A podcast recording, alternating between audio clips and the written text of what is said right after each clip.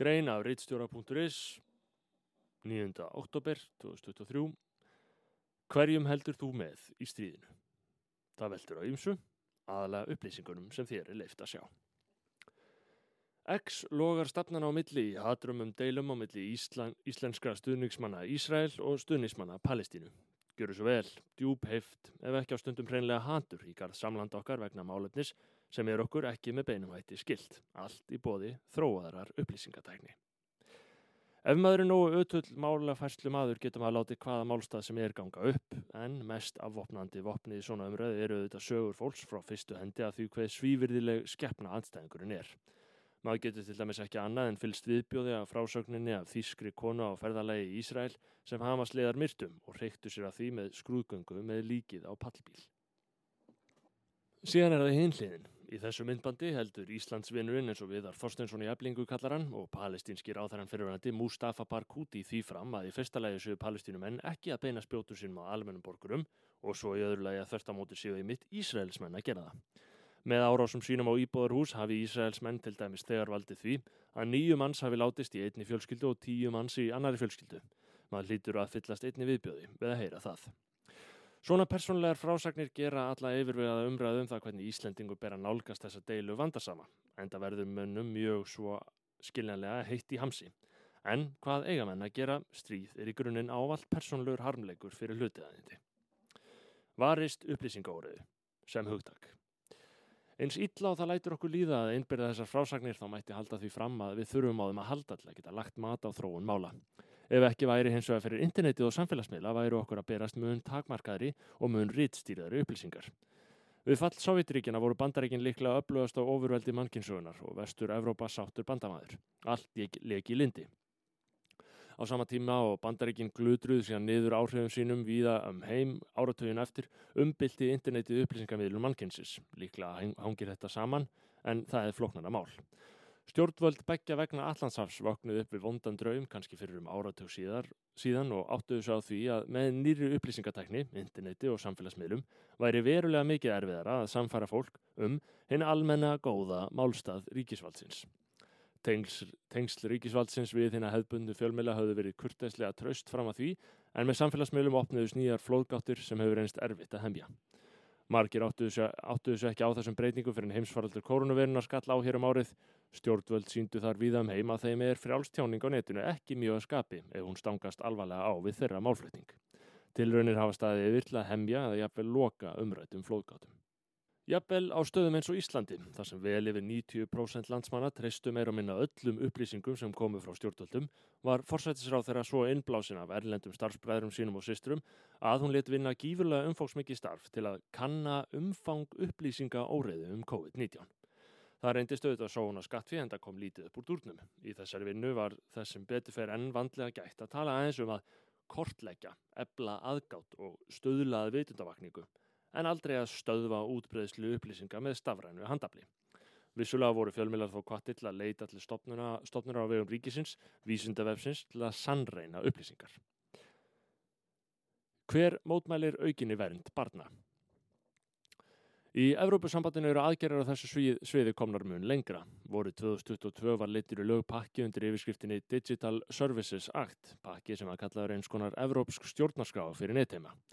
Innleðingarferðlið er sagt hafið hér á landi þótt ekki komið fram til hvaða þáttar lögjafrannar það tekur. Stafrænulögin eru mikil hagleiks smíði en það var yfirlýst markmið þeirra í grunninn þrýskipt að vernda fólk og börn frá ólölu efni á netinu, að tryggja hagsmunni neytenda gagvart auglýsindum og loks að berjast gegn upplýsinga á óriðu. Hver vill ekki vernda börn gegn ólölu efni og hver vill ekki aukin rétt neytenda? Ef þú ert að móti aðgerum gegn upplýsinga óriðu þá viltu líka varnalös börn.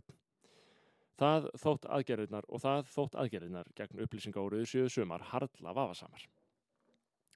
Í lögjöfinni er til dæmis hveðið á um að stórum teknifyrirtækjum beri skild alltaf fjarlæga skadilegt efni samkvæmt skipun frá stjórnvöldum með skömmum fyrirvara. Ella geti þau vænst sektar upp á 6% af ástekjum sínum.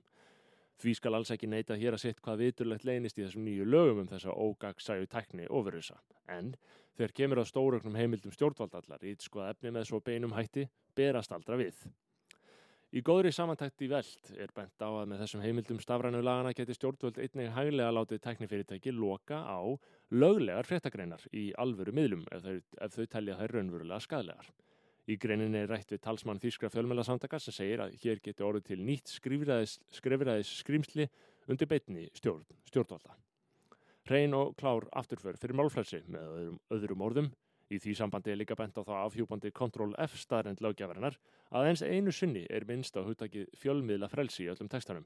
Á móti kemur, á móti kemur er 13 sunnum á 102 síðum minnst á upplýsinga órið. Hvort skipti þá meira máli? Lýðræðisríki inspírera einræðisríki. Mér finnst ekki gaman að hafa, þurfa að hafa uppi svona Óla Björns Kárasónarlega frasa en vegurinn til heljar er í alvöru varðaður góðum ásætningi eins og ymmið þeim ásætningi að berjast gegn hatri. Veigamikli þættir í stafrannu lögunum Európsku hafðu verið innleitir í þýsk lög áður en þau voru samþygt í Európusambandinu. Svo lögjöf þjóðveri átti að tryggja aukna reytskoðun efnis á til dæmis Facebook og YouTube einmitt í nafni baratunar gegn hatri. Það er síðan lýsandi að svo lögjöf þjóðveri aflæði sér strax öflugra stöðningsmanna um víða veröld. Í úttækt dönsku lögfræði hugveitunar Justitia er það rækið að í minnstalagi 13 ríki við um heim hafi innleitt ákvæði þýsku lögjafarinnar í sína eigin reglur um tjáningu á netinu. Þar að meðal eru ríki á borðu Rúsland, Indland, Kenya, Filipsjar, Venezuela og Malasia sem hafa nýtt sér þessi ákvæði í baratu sinni við til dæmis falsfrettir, áróður gegn stjórnvöldum og haturs orðræðu. Þýskaland gengur sem sagt á undan með góðu fordæmi. Hér stendur í þessari grein veld stendur þessi góða fullýning Einræðisríki eru að herma eftir ófrjálslendum lögum sem eru samin í frjálslendum líðræðisríkjum. Í upptöldum, vondum, íllum einræðisríkjum blasir við okkur hver hætnar svona ofsóknir gegn frjálsri tjáningu eru þótt ás, yfirlýstur ásætningu sé góður ekki satt. Af hverju þá ekki hjá okkur, ekki hjá okkur sjálfum? Hvað eru skadileg skilabóð? Nú þegar Ísrael og Palestína eru formlega komin í stríð flæðir yfir okkur magn upplýsingar frá báðum hliðum sem við að því að sannfara okkur um annan hvort málstæðin. Í ljósi stafrænulega Evrópusambandsins og breytir að viðþorfa frjálslindra líðræðisríkja til frjálsra tjáningar er ekki úr vegi að ímynda sér að önnu hliðin í þessu máli myndi hægt og rólega hverfa okkur sjónum á samfélagsmiðlum eða í öllu falli að það myndi mjög fjara undan henni ef evrópsk stjórnvöld færi að aðhafast sérstaklega í málinu. Það er því líklega hlið palestínumanna eða er ekki mjög auðvelt að komast að niður stöðum að skilabóð hriðverka samtakana Hamas sjöu í eðli sínu skadaleg og að Ísrael sé aðeins að verja sig.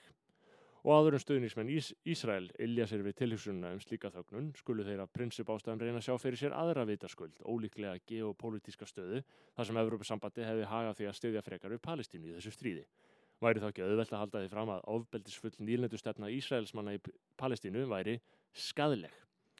Í dystopísku samfélagsmiðla umhverfi undir algjörri stjórn stjórnvalda sæðum við kannski engar fréttir um lík þýska ferðamannsins heldur aðeins viðtölu við palestinska ráþara, eða öfugt.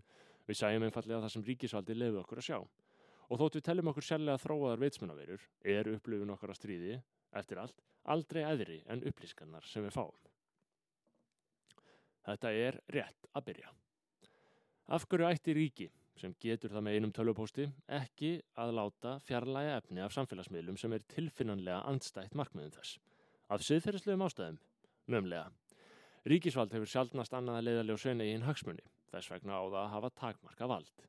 Ég tel að á næstu árum munum við þurfa að horfa upp á harða baráttu ríkisvalds gegn teknifyrirtækjum, þar sem yfirlýst markmið ríkisvaldsins mun heita barátta gegn upplýsingaóriðu, falsfrettum og hatursorraði.